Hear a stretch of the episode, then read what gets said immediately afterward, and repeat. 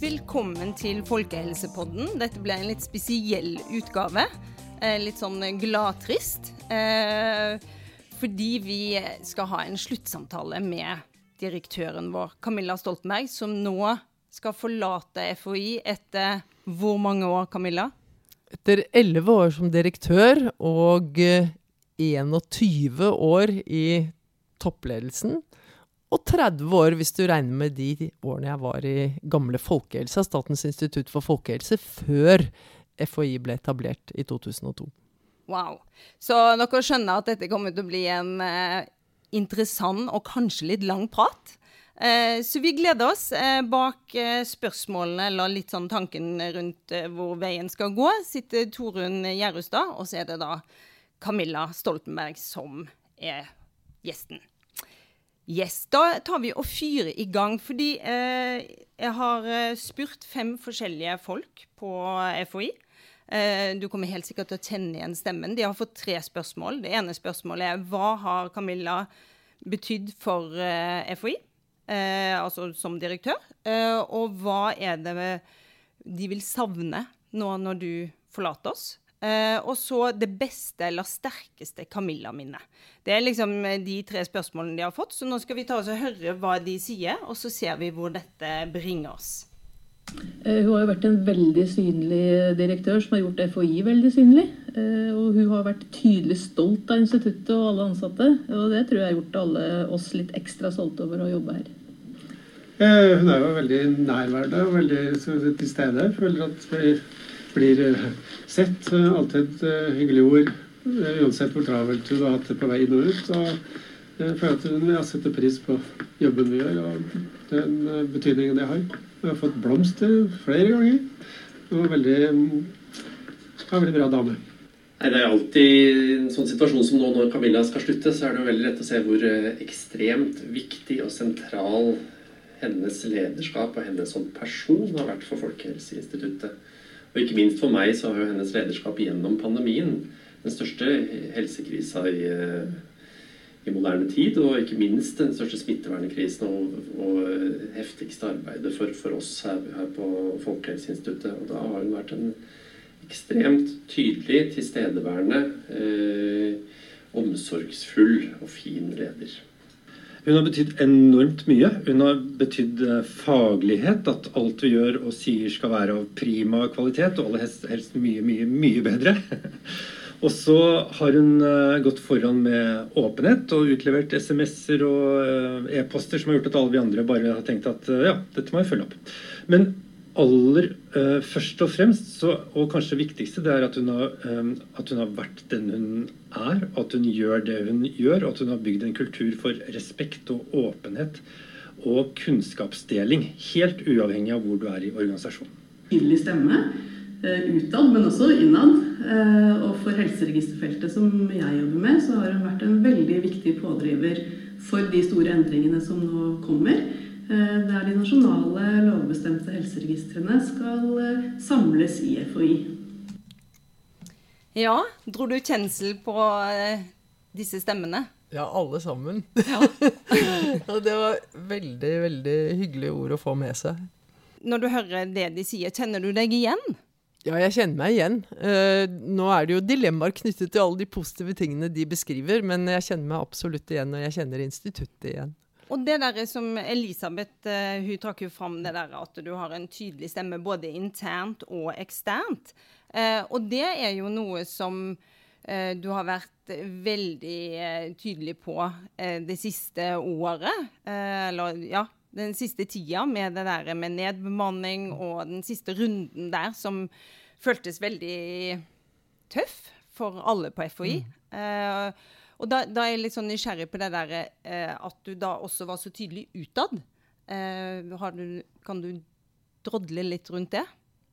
Ja, eh, fordi det er klart at den situasjonen instituttet har vært i etter pandemien, eh, da vi først fikk et revidert nasjonalbudsjett i 2022, og så et budsjett for 2023, og så et revidert nasjonalbudsjett nå i 2023, som alle sammen har eh, lagt til grunn at alle de ekstramidlene vi fikk under pandemien, er borte.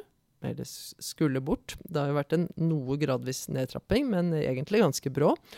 Og eh, at vi har fått nye oppgaver uten finansiering. Og det er oppgaver som ikke er småtterier. Vi er vant til å få nye oppgaver uten finansiering, kanskje i 5-10-15 millionersklassen, men ikke i 100 millionersklassen som vi har fått nå.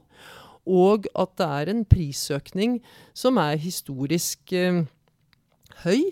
Uh, som uh, ikke kompenseres fullt ut. Det blir noe kompensasjon, men uh, det dekker ikke den prisøkningen.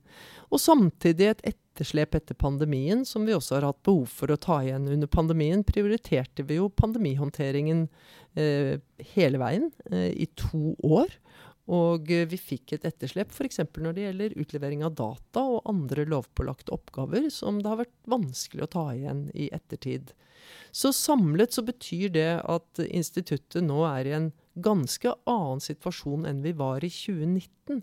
Altså det at man fjernet koronamidlene var vi forberedt på, men vi var ikke forberedt på at det skulle skje samtidig med alt dette andre. Det var for så vidt ingen, og mange i samfunnet er rammet av prisøkninger som ikke er kompensert.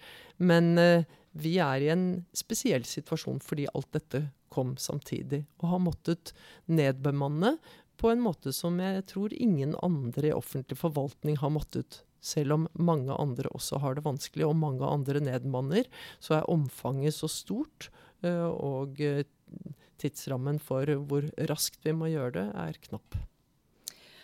Har du fått uh, mye eh, tilbakemelding på at du har vært så tydelig? For det er jo veldig ofte så vil jo en eh, direktør i en underlagt etat bare måtte liksom ta imot de beskjedene man får, uten å være tydelig på at man er uenig. Altså, jeg respekterer jo det Stortinget og regjeringen beslutter. Men jeg har ikke vært trygg på at de har visst om eh, konsekvensene. Fordi de har jo ikke vært beskrevet på forhånd før beslutningen er fattet eh, i disse budsjettprosessene. I hvert fall ikke i tilstrekkelig grad. Og eh, det å beskrive konsekvensene og risikoen ved dette, det har vært avgjørende både innad og utad. Og i en organisasjon som vår, så er det ganske umulig å tenke seg at vi skal kommunisere på én måte innad og på en annen måte utad. Jeg har tenkt at det jeg sier innad, det må også kunne stå seg utad, og vice versa. Og eh, det er også slik at uh, beslutningene fattes jo av folk som sitter et stykke unna oss. Og jeg som direktør har et selvstendig ansvar til også å informere dem om det jeg mener ikke er godt dekket i informasjonen som, i hvert fall den jeg kjenner til, som har gått fra departement og politisk ledelse i en så kritisk situasjon. Mm. Og jeg kan jo bare si som en representant for eh, ansatte, da, at eh, det har jo vært utrolig viktig for oss eh, som jobber på FHI, at du har vært så tydelig nettopp på, på disse tingene. At det har en stor sånn intern kommunikasjons verdi, det du har gjort der. Ja, takk skal du ha, men jeg må jo bare si at for min egen del så oppfatter jeg det egentlig som en selvfølge. Og så er jeg opptatt av å understreke at jeg eh, må og skal, og, og er enig i at jeg som direktør skal legge Stortingets eh, beslutninger til grunn. Mm, ja, så det er jo en hårfin mm. Eh, balansegang der. Eh, men jeg, jeg, vet ikke om jeg hørte det i en annen podkast, eh, hvor du da eh, eh, snakket om at å få oppdrag eller arbeidsoppgaver som føles helt sånn over Ja, man eh, klarer ikke helt å se at man skal klare det. At du sammenligner det med å gå opp et fjell. Eh, at det å komme opp, det var tøft, men når man kom opp, så så man at det var liksom verdt det, og det var både utsikt og fint. Eh, og da er mitt spørsmål, eh, når man da kommer opp på det fjellet, og det eventuelt føles litt sånn tåkete, eller at man ser bare enda flere høye fjelltopper. Har det vært litt sånn eh, ja, i det siste? Det har det. Eh, og eh, du kan si at under pandemien så var det eh, helt utvetydig engasjerende. Så selv om det var en arbeidsmengde som jeg nesten ikke kunne forestille meg at var mulig å ha på forhånd for meg, men ikke minst for veldig mange andre institutter. Jeg var ikke den som jobbet mest under pandemien, selv om jeg jobbet kolossalt mye. Så, så var det engasjementet, den meningsfulle jobben det var å bidra til håndteringen eh, i den rollen Folkehelseinstituttet hadde, eh, så energigivende at det var en følelse av å komme opp på fjell flere ganger, faktisk, og se utover. Og selv om det kom nye fjell, så, så var det ikke overveldende. Og vi holdt ut, og vi klarte det veldig godt i samarbeid med de partnerne og med den rollefordelingen vi var gitt. Den situasjonen vi har vært i etter pandemien, har vært mye, mye vanskeligere. Mm. Eh, og den tror jeg har vært vanskeligere både for de ansatte i instituttet og for meg. Så, sånn sett har det vært likt. Men som direktør syns jeg det har vært uh, smertefullt å, å, ha den eh, fasen som vi har vært inne i der. Fordi vi også har utfordringer når det gjelder å utføre samfunnsoppdraget til rett tid og i si, med den kvaliteten som vi er opptatt av, det vi mener er best for samfunnet. Det er eh, å strekke seg og få det til. Vi får det til, mm. men, eh, men, det er på grensen og, og har vært tungt. Ja, så det er sånn, vel kanskje ja. den tåken du beskriver, ja. eller, eller det, at det, at de nye fjelltoppene kommer umiddelbart etter uten at man får noen mulighet til å ha pause. Ja, og at utsikten ikke alltid er, den er like, like god, spektakulær. Nei. nei. Eh, og jeg har av og til tenkt at eh, forskjellen på å jobbe privat eh, sektor kontra offentlig i en sånn situasjon vi har vært nå, så har det vært sånn at hadde vi vært privat, så hadde det vært sånn bonuser på alle sammen, superfest, og fy fader, så gode dere var.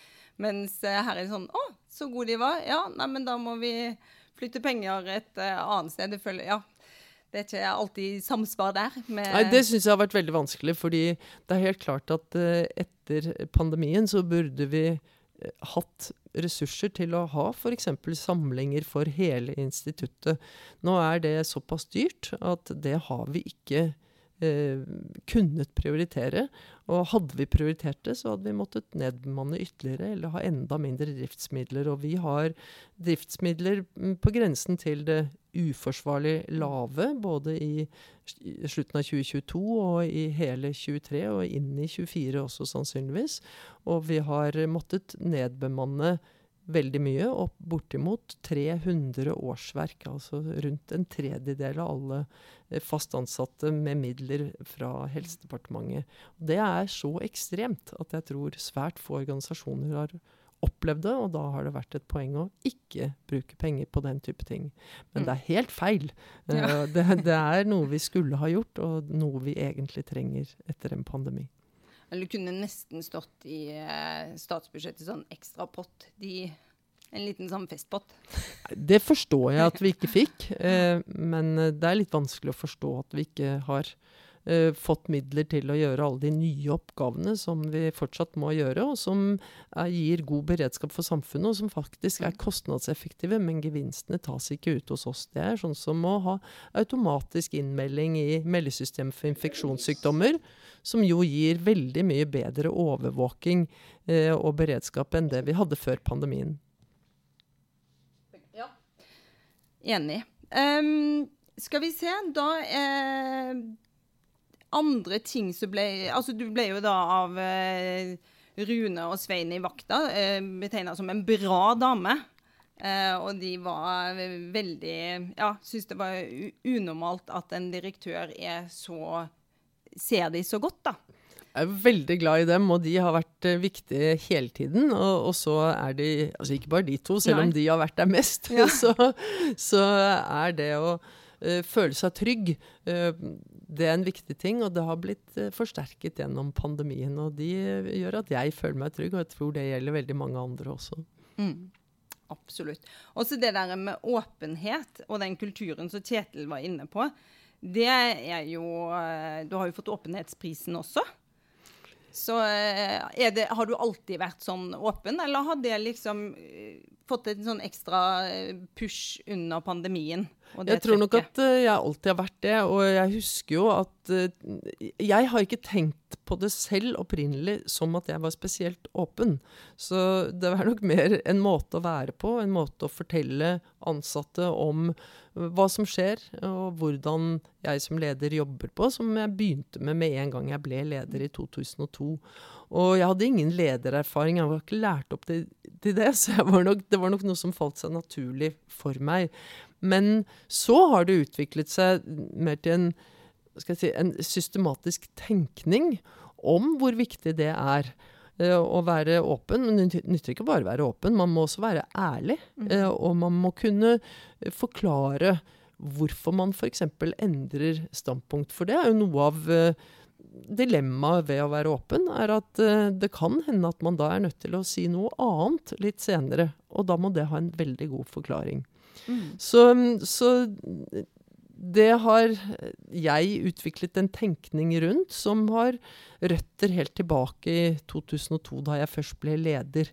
Og um, jeg har også vært opptatt av eh, hva skal jeg si, ved ytringsfriheten, ytringsrommet til ansatte helt siden den gangen. Da var det jo en heftig debatt i årene etter det om eh, røykeloven. Ja. Og eh, det var ansatte som gikk ut og mente noe om det. Jeg mente hele tiden da hadde jeg ikke egentlig noe særlig jeg skulle ha sagt i forhold til akkurat den saken, men jeg satt i toppledelsen og så det utspille seg på nært hold. Jeg mente hele tiden at det var en fin ting, og at det var bra at vi fikk de reelle diskusjonene om det faglige innholdet, og at det også var dilemmaer knyttet til det. Selv var jeg en sterk tilhenger av røykeloven, så det var sånn sett helt uproblematisk. Men jeg var samtidig opptatt av at man faktisk skulle kunne uttale seg, og at vi i ledelsen måtte være forberedt på å kunne gå i diskusjon, også offentlig, eh, med ansatte. Med Mm. egne ansatte, og for, og for så vidt ansatte i andre organisasjoner. At det var positivt og ikke negativt. Slik det ble oppfattet av mange. Så gradvis så har det utviklet seg gjennom årene, og så har vi særlig da Kristina Råfemby som kommunikasjonsdirektør og jeg jobbet nokså systematisk med dette under pandemien. Fordi eh, jeg står fullt og helt på at åpenhet er viktig, riktig og overveiende positivt. Men det er dilemmaer knyttet til det. Det er f.eks. det jeg var innom, at man ø, må legge fram, vise fram ting som man fortsatt ikke er sikker på. Der man kan komme til å endre forklaring, for å si det sånn. Der man kan komme til å endre standpunkt. Man bereder riktignok grunnen for det. Det kan skape usikkerhet at det er ulike syn internt i en organisasjon, eller på tvers av de organisasjonene som håndterer en krise. Og det kan skape forvirring, fordi det blir ulike budskap fra folk man har tillit til. Så man må jobbe systematisk med hvordan man skal håndtere både den forvirringen, eh, eventuelle, eventuelle forvirringen, hvordan man skal håndtere det med at det er forskjell på at eh, ansatte mener noe, og at ledelsen faktisk må ta et valg. Uh, om dette er det instituttet stiller seg bak, selv om vi ser verdien av de andre synspunktene også, så har vi gjort noen avveininger, og så har vi valgt noe. Så, så den, den tenkningen har utviklet seg, og jeg tror den heldigvis har bredt om seg og smittet og fattet stor interesse hos mange andre i lignende roller. Jeg opplever jo at vi i Norge generelt har fått en større åpenhet som følge av pandemien, fordi man så det lyktes. Men så er det jo viktig å huske at det er én type situasjon som jo er hva skal jeg si, det vanlige, nemlig at vi kan snakke åpent. Mens det vil jo være situasjoner f.eks. der man har en ytre fiende som aktivt prøver å ødelegge for en. Eh, trusler om terror, eh, krig, eh, den type konflikt. Der man ikke kan være så åpen. Og der er det mye vanskeligere. Så jeg vil ikke være en predikant for alltid å være åpen. Eh, Men jeg vil være en predikant for at åpenhet, og ikke minst ytringsfrihet, som del, eh, der åpenheten er en del av det, eh, er den grunnleggende måten å kommunisere på, og at det andre må være unntakene. Mm. Ja, nei, det styrka seg i hvert fall veldig eh, under pandemien. Og det var vel da du fikk den prisen også. Ja, Jeg var veldig glad for den Mm. prisen. Ja. den var overraskende, og Flavius-prisen fra Norsk Presseforbund. Mm. Ja. Nei, den henger høyt. Den henger veldig høyt hos Ja. meg, ja. Ja. Du, da skal vi gå over på eh, spørsmålet savne. Eh, og da skal vi høre disse fem igjen. Jeg, jeg kommer til å savne henne som person. Jeg syns Camilla er en, eh, en, en, en som det er hyggelig å være sammen med. Det er hyggelig å være i møte med henne, det er hyggelig å interagere med henne. Eh, Det er en raushet og en romslighet. Det er lov å være uenig med henne. Det er eh, lov å diskutere. eh, Og uten at det blir ubehagelig. Eh, Men så er hun på en måte har eh, et veldig eh, inkluderende og flott vesen. Det er, det er, det er godt å, å jobbe sammen med henne og jobbe under henne. Jeg kommer til å savne entusiasmen og engasjementet og innlevelsen som hun viser for eh, nesten alt hun gjør. Og jeg kommer til å savne de eh, gangene hun kommer tilbake etter et møte eller seminar eller innlegg som hun egentlig angrer på at hun hadde sagt ja til. Og så er hun genuint opprømt og glad fordi at det var så hyggelig og nyttig og så mange interessante folk der. Det er alltid veldig oppløftende. Det er mye jeg vil savne med Camilla, men jeg, det som slår meg aller mest, er eh, fagligheten hennes, eh, det enorme engasjementet hun har, og den evnen hun har til å se hver enkelt eh, medarbeider og se alle rundt seg. Jeg vil egentlig savne smilet og humøret hennes, og det å møte henne i trappa, at hun hilser, og ikke bare på meg, men alle som beveger seg opp og ned og inn og ut av husene. Og så um, er det det at hun alltid er åpen for ny kunnskap og endre mening eller argumenter hvis, eh, hvis det er noen som har eh, lure ting å komme med. Ja. Hva tenker du om eh, disse vitnesbyrdene, Camilla? Nei, dette er jo så hyggelig. jeg blir bare overveldet av det. Og, men jeg kjenner meg absolutt igjen. Jeg kjenner meg f.eks. veldig godt igjen i Gunhilds beskrivelse av hvordan det er når jeg kommer tilbake fra et møte som jeg tenker at nei, dette er for mye, og jeg har egentlig ikke tid til det. Og så har jeg lært noe og har møtt noen og jeg tenker dette var nyttig. Eh, For du, er du tidsoptimist? Ja, det må jeg bare innrømme. Selv om jeg sørger for å ha folk rundt meg som prøver å, å få meg til å mm, være mer realistisk. Så Gunhild f.eks. har jo lagt inn i min kalender tid til å flytte seg fra det ene stedet til det andre, for det var ikke kalenderen før. Og, og det bidro til en del ubehageligheter da, når det viste seg at det ikke var mer enn fem minutter f.eks., eller kanskje ingenting i det hele tatt, eh, mellom et møte som skulle foregå her, eh, og et møte som skulle foregå et helt annet sted, i byen eller i landet. Ja, for det var når Teams, da kan det jo funke. Da kan det funke. Ja. Men selv da hender det at man trenger noen minutters pause. Absolutt. Det er naturlige pauser. pauser. Eh, men det der at du eh, liksom ser alle og er hyggelig med alle, eh, er det noe som bare liksom eh, Har du alltid vært sånn? Eller har du, du har Ja, men jeg har Ja. ikke vært eh, så åpen alltid, for jeg har vært mye mer sjenert. Det er jeg ikke lenger. Eh, altså, jeg kan bli sjenert, men, men eh, sånn i, i Når jeg møter folk, så er jeg ikke er ikke sjenert av det. Jeg tør å hilse også på de som jeg f.eks. ikke husker, men vet at jeg har møtt, eller de som jeg eh, aldri har møtt før, men som jeg ser jobber her. Og frustrasjonen fra min side er mer at jeg gjerne skulle kunnet navnene på absolutt alle. Det syns jeg Ja, men jeg, hadde Jeg har tidligere tenkt at jeg skulle ikke være leder for en organisasjon som var så stor at jeg ikke kunne alle navnene, og så ble jeg det.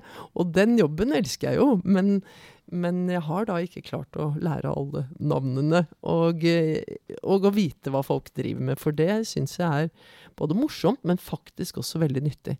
Det var veldig nyttig under pandemien at jeg kjente så mange i instituttet og visste at vi kan spørre den om det, og kanskje det hadde vært noe for den og sånn. Ja, Det er imponerende å ha Mhm. som mål med ja, Hvor mange er det i Er det Norse man sier, eller Norse? Norse. Norse. Hvor mange er de? Har, er det da det er, sjans for å det er omtrent på størrelse med Folkehelseinstituttet. Ja. Så, så det er rundt 1000, litt avhengig av hvordan man regner der også. Men, men der sitter folk ni steder i landet. Og det er klart, jeg har ikke 30 år på å bli kjent med dem. Så jeg, jeg må skynde meg. Så jeg, jeg tror at jeg skal prøve å ha realistiske forventninger til Ja. hvor mange jeg lærer navnet på. Men jeg har eh, eh, forventninger til at jeg skal møte alle. Eh, og reise rundt og, og bli kjent også med dem. Men så syns jeg det er, det er, verdt å dvele litt på det her med, eh, som både Are og Kjetil var inne på, det at det er lov å være uenig, og at du er veldig åpen for ny kunnskap. Altså Det at det er lov å være uenig, er jo noe man må jobbe ganske aktivt med som leder. fordi at det er ikke gitt at folk stoler på at det er sant. Og det eh, er det gode grunner til at de ikke stoler på. For det er eh, noe man også må trene på som leder. Så selv om jeg alltid har ment at det skal være lov å være uenig, så skjønner jeg jo at jeg innimellom har oppført meg sånn at det kanskje ikke er slik folk har oppfattet meg. Så det har jeg mm. jobbet med. Mm. Og eh, det viktigste det er det å både være i stand til å lytte og gi andre tid til å snakke ferdig, f.eks. Mm. Eh, og det er å, å, anerkjenne synspunkter som jeg i utgangspunktet kanskje er kritisk til, eller eh, tenker er feil. Og, og jobbe med å, å, prøve å forstå hvorfor mener de dette. Og det har jeg enorm nytte av selv. For jeg har faktisk endret syn noen ganger på ting som jeg ikke trodde jeg ville endre syn på, ved å, å jobbe på den måten. Og jeg har i hvert fall sørget for at diskusjonene blir bedre. Mm. Så jeg har fortsatt noe igjen der for å sikre at alle stoler på at det er sant. For det er sant, men uh, Og man blir ikke straffet eller uh, skjøvet ut av å mene noe annet. Men, men hvis man ikke kan stole helt på det, så går det ikke likevel. Så du er definitivt ikke en direktør som har eh, likt å bare ha ja-mennesker rundt deg? Nei, jeg blir nervøs av det, men, men jeg har sikkert hatt ja-mennesker rundt meg i større grad enn jeg selv har skjønt. Uh, under pandemien igjen så, så, er det klart da hadde vi reelle diskusjoner om mange ting. Og, og en del av de som er uredde, også for autoriteter, var heldigvis uh, i bresjen og i stand til å si fra til meg, og fikk med seg andre på det. Og, og da fikk også de andre som ikke var like trygge på det, trent. Mm. Så det tror jeg har vært veldig bra for organisasjonen, men dette er ikke noe man kan slutte slutte å jobbe med. Man må jobbe med det absolutt hele tiden. Det er ikke noe mål i seg selv å være uenige. Og det er jo også et mål å prøve å komme til enighet. Men, eh, men, før man finner ut om man skal komme til enighet eller ikke, så bør man rett og slett finne ut hva er de ulike synspunktene og hva er de ulike mulighetene her, og være åpen for å utforske ting man ikke liker så godt i utgangspunktet. Mm. Men eh, eh du kan jo få samme spørsmål. da. Hva vil du savne mest nå når du forlater FHI? Åh, det er veldig mye. Nei, det er menneskene. Men det er også samfunnsoppdraget. Og for meg så henger de to sammen. Eh, fordi mye av min motivasjon for å være så nysgjerrig på folk og, og være så glad i folk, handler jo om at vi samarbeider om å få dette til. Det er det vi har sammen. Og, eh, og det betyr at eh, alle eh, ser jeg på som folk som er på det samme laget. Og det, det vil jeg savne. Å gå da disse fjellturene med da den svære gjengen. Ja. ja. eh, og hva er det som har vært det morsomste med å jobbe som direktør på FHI? Kontra, for du har jo da erfaring med å ikke være eh, direktør, og det å være direktør. Er det Det morsomste er jo den følelsen av at uh, vi kan faktisk oppnå ting. Vi kan få til noe. Vi kan påvirke. Vi kan påvirke eh, hvordan vår egen våre egne arbeidsoppgaver utvikles og lykkes. Vi kan påvirke samfunnet i stort. Vi kan sette agenda. Eh, vi kan si dette er viktige ting for å få bedre folkehelse. Og vi kan jobbe med å øke kvaliteten.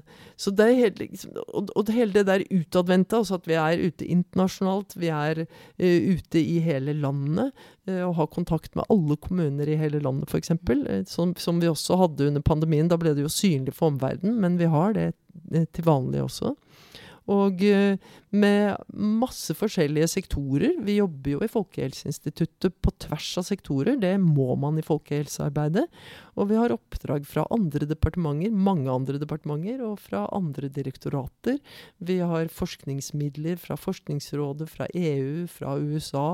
Vi har globalt samarbeid med land i Afrika, i eh, Asia osv. Så, videre. så det, det, å få lov å være leder for hele det mangfoldet av aktiviteter, og prøve å se dem i sammenheng og, og understøtte folk som driver med det, og så selv være, hva skal jeg si, gå foran i en del saker, det, det, er, det er, veldig, veldig, veldig spennende og gøy.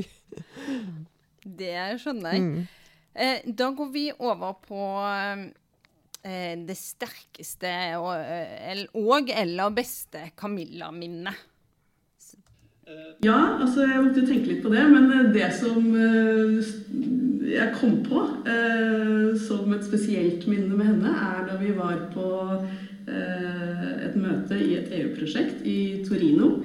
Hvor vi kom på hotellet, og det hadde skjedd noe galt med bookingen. Så det var et hotellrom for lite.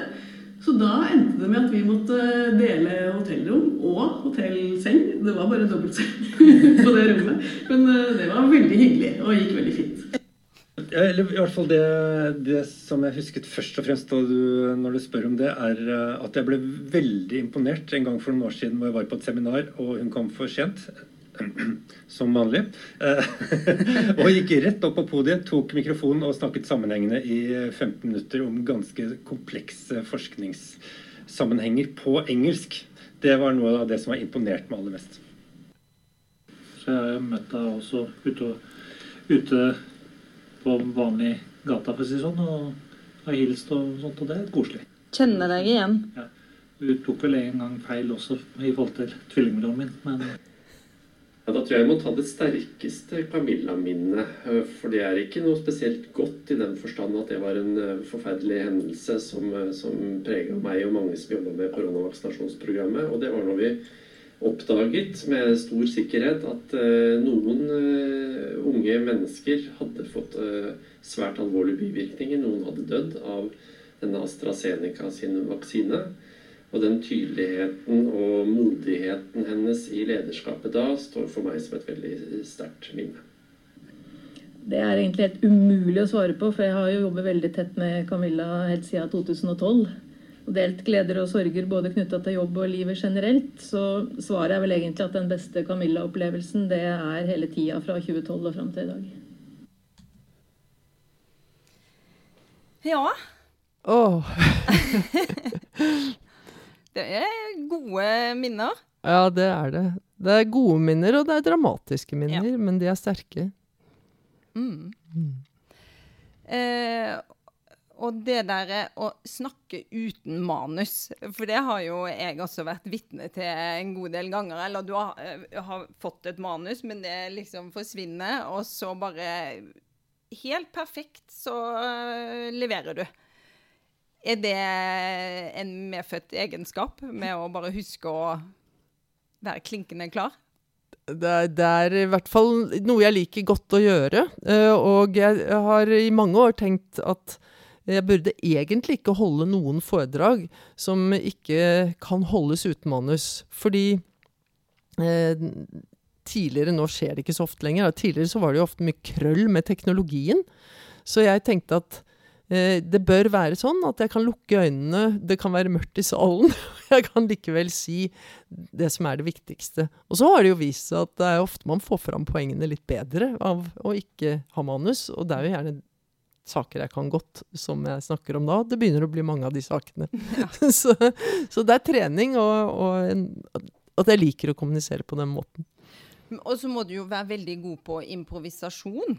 Eh, altså i det Jeg tenker på sånn de der formøtene til pressekonferansen under mm. korona, eh, hvor da det var veldig ferske taleark du hadde mm. fått. De var kanskje bare minutter gamle. Eh, og så sitter dere der på det formøtet med minister og Gullvåg og du og av og til noen andre.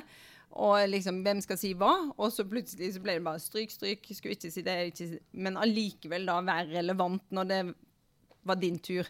Nå var ikke det alltid like vellykket, da, men man, man sto jo der på det opphøyde podiet og fikk litt gratis av det. det. fordi der kunne det jo noen ganger være sånn at jeg tenkte at dette er jo sagt fra før, og så sa jeg det likevel, eller eh, men, men, men det gjaldt de talepunktene som kom fra podiet. Det som var mer utfordrende, var jo å kunne svare på alt ute i salen. Der kom det jo spørsmål som vi ikke var forberedt på, spørsmål som vi kanskje var bitte, bitte lite grann forberedt på. Likevel så var det bare å gjøre det. Eh, så det var en form jeg likte, men den var nervepirrende og innimellom helt utslittende når du hadde holdt på noen timer ute i den salen. Men eh, gir det deg masse energi, det der med at ja, man ikke helt vet hva skjer nå? At det ikke er sånn innøvd og helt sånn Ja, jeg liker det. Ja. Jeg liker at det er en plan. Men så uh, liker jeg også veldig godt at man forkaster den planen og, og forholder seg til det som er den faktiske situasjonen. Så den kombinasjonen er god. Og jeg har jo sagt mange ganger til folk som har jobbet med meg med å lage f.eks. talepunkter eller presentasjoner, at det, det er alltid til hjelp, også når jeg ikke bruker det i det ja. hele tatt. Og det er helt sant. Ja. ja. At, uh, da blir det klarere hva, hva det bør være. Ja, man, det, for, det, gjør at jeg er forberedt, selv om jeg kanskje ikke er forberedt på nøyaktig det som faktisk blir spørsmålet. Um, når det gjelder dette godt minne, så vil jeg faktisk jeg supplere med et veldig godt Camilla-minne jeg har. Og det er faktisk den svømmeturen vi hadde i Arendal i fjor, under Arendalsuka. For da var det jo masse mingling, og du ble sikkert invitert på noe hele tida. Du kunne sikkert gått på liksom, arrangement og middag helt til de sene timer hver kveld. Men allikevel så prioriterer du da, for vi hadde jo et lite hus hvor det var FHI-folk. Eh, og være eh, med oss eh, mye. og så hadde jo meg, deg og Kjetil en fa helt fantastisk svømmetur, hvor vi da svømte forbi. Så satt det jo Det var vel regjeringen da som hadde en middag, og vi bare svømte. Ja. Det var magisk. Jeg husker også den jeg er veldig glad i å svømme, og det er ekstra hyggelig å svømme med dere, selvfølgelig. og prate underveis. Og alt det man får sett inne på land, er noe av det som er spennende. Ja, jeg tror nok de som så det, var sånn Ja, der har du folk, eh, direktøren for Folkehelseinstituttet. 'Living the brand'. um, hvis du skal beskrive FHI da med tre ord, hva skulle det vært? Faglig sterk og engasjert. Uh, og uh, det blir jo ikke tre ord, da. ja, Men faglighet? Ja, ja faglighet. Eh, engasjement. Og eh, skal jeg si seriøsitet. Alvor. Mm. Mm. Det er en bra oppsummering av en mm. arbeidsplass. Mm, men jeg kunne sagt åpenhet, men det har vi snakket så mye om, så derfor ja. ble ikke det med. Um, nå har vi jo snakka veldig mye om alt det er bra og uh, ting som uh, har gått uh, fint. Har du, har, du, noen sånn Har du en tabbeliste? Og det er så mange, men jeg prøver ikke å tenke så mye på dem. Men det hender jeg tenker på det når jeg våkner om morgenen og ikke er helt uh, ved bevissthet ennå. Så tenker jeg å nei, det gikk fryktelig dårlig. Men mine tabber de handler egentlig mest om at jeg de handler om tidsoptimismen. Mm. De handler om at jeg ikke har nok kontroll på kalenderen. Så når jeg har god hjelp med den, så er tabbene til å tåle. Men det er klart, det, det man, man, må tåle tabber når man tar så mange sjanser og, og er så synlig. Mm. Um, nå eh, skal man jo da eh, søke etter ny eh, direktør. Og hva tenker du er den viktigste, eller de viktigste egenskapene for å være en FHI-direktør? Det spørsmålet det tror jeg nesten ikke jeg skal svare på. Jeg vet jo hva som har vært veldig viktige egenskaper for meg, eh, og hvilke jeg har brukt. Men jeg tror det er mange måter å være direktør på. Mm. Eh, samtidig så tenker jeg at det å forstå eh, hva virksomheten handler om, er viktig. Altså å ha et faglig grunnlag for å lede en sånn virksomhet som er sterkt faglig. Det er det vi bidrar med. Og hvis du ikke forstår det godt nok, så tror jeg det er veldig vanskelig. Så må man selvsagt ha andre egenskaper som gjør en til en god leder. Men eh, de egenskapene er mer hva skal jeg si, generiske. Eh, selv om de kan være mange ulike. Eh, så, så, jeg vil si ja, man trenger en, et faglig grunnlag for å forstå virksomheten. Det høres ut som et godt uh, råd. Og så kanskje ikke bare forstå den, men faktisk uh, drive den og peke vei. Gå foran faglig også i, på en del felt. Mm. Mm. Ja, litt sånn som man snakker om med den åpenheten og dele. Mm. Ja. Uh, har du mer uh, så du tenker det vil jeg få sagt, som vi ikke har vært innom nå? Det er veldig mange av arbeidsoppgavene, oppdragene som FHI har, som er langsiktige.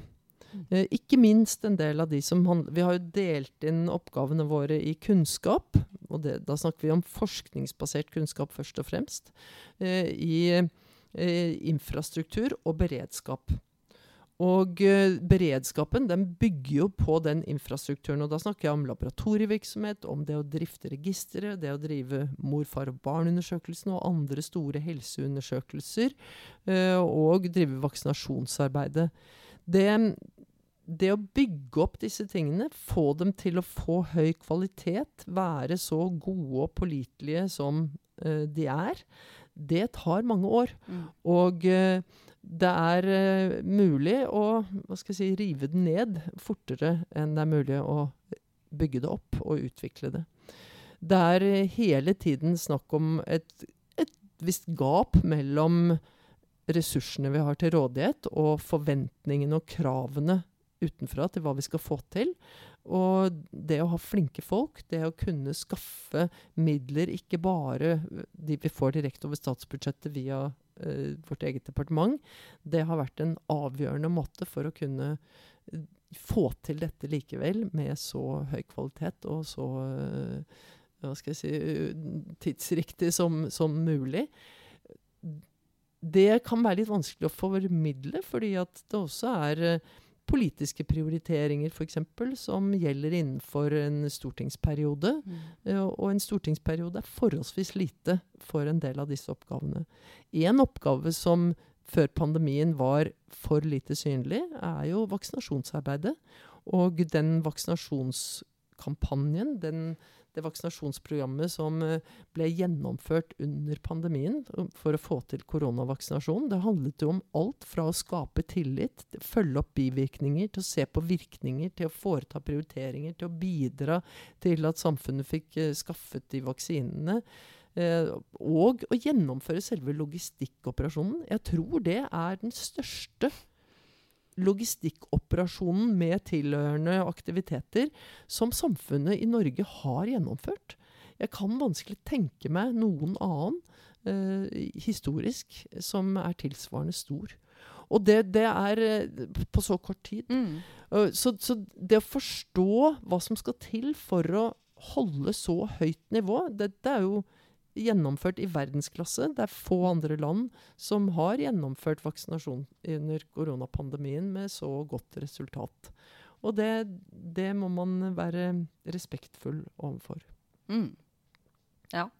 Det, og det, det, husker jeg du sa eh, Det var vel eh, noe av det første du sa som direktør på en sånn samling man hadde, at det å være en god historieforteller, det å formidle det FHI driver med gjennom å fortelle historie. Eh, og da er jo den Man skulle hatt den videoen av eh, vaksinen som skulle Hvor mange minusgrader var det?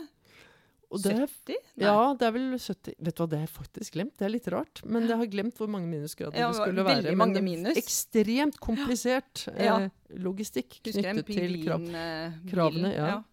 Ja. Og det å frakte den da mm. liksom rundt helt opp til Finnmark og innerst Ja. ja, og samtidig sørge for at idet du hadde åpnet en ampulle, så skulle du bli kvitt alle de ja. dosene som da kunne være fem, seks eller syv per glass, og få mest mulig ut av det i en situasjon der vi hadde for lite vaksiner i ja. det første halvåret. Og rangering på hvem som mm. skulle Ja. Nei, det, det hadde vært en uh, historie. Ja. Den, er jo den bør, det er en veldig stor historie, og det er beskrevet mm. ganske godt i den andre koronakommisjonens rapport, faktisk. Ja. Uh, så den historien er fortalt, men den er ikke formidlet i tilstrekkelig grad, og den kunne godt populariseres ytterligere. For det er den, nettopp det. det. Det er virkelig, virkelig stort. Ja. Og det handler som sagt ikke bare om den logistikken, som i seg selv er imponerende. Det handler om alt det som følger med. Registrere hver eneste vaksine. Registrere hver eneste meldte mulige bivirkning, og følge mm. opp hver eneste en. Det er enormt imponerende. Ja, det er Men dette er bare ett eksempel. Ja, det for det er faktisk flere ting vi gjør som, eh, som også er tilsvarende store, men ikke alltid like godt synlige. Nei, Så det er mye å ta tak i. Mm. Eh, selv om eh, det da ikke blir med deg med roret. Eh, men da tror jeg vi går inn for landing, Camilla. Ja. Eh, og da vil jeg takke eh, for en veldig fin prat. Eh, og det at vi har ja, hatt deg i førersetet i Fikk ha deg i så mange år, da. Eh, det er jo fantastisk. Og lykke til videre med Norse. Eh, og så, ja Det er litt trist. Det er veldig trist for meg. Jeg elsker jo denne arbeidsplassen, menneskene her og samfunnsoppdraget. I det hele tatt, denne jobben har vært en drøm. Og eh, jeg kommer til å følge Folkehelseinstituttet fre fremover tett, og jeg håper på samarbeid på noen områder. Og så vil jeg si at det aller viktigste jeg har gjort, er jo å rekruttere også ledere. Og det er flere veldig gode ledere som skal fortsette i FHI. Ikke minst uh, Gunn Peggy, som skal overta som konstituert direktør fra neste uke. Ja. Så dere er trygge og i gode hender. Takk for praten.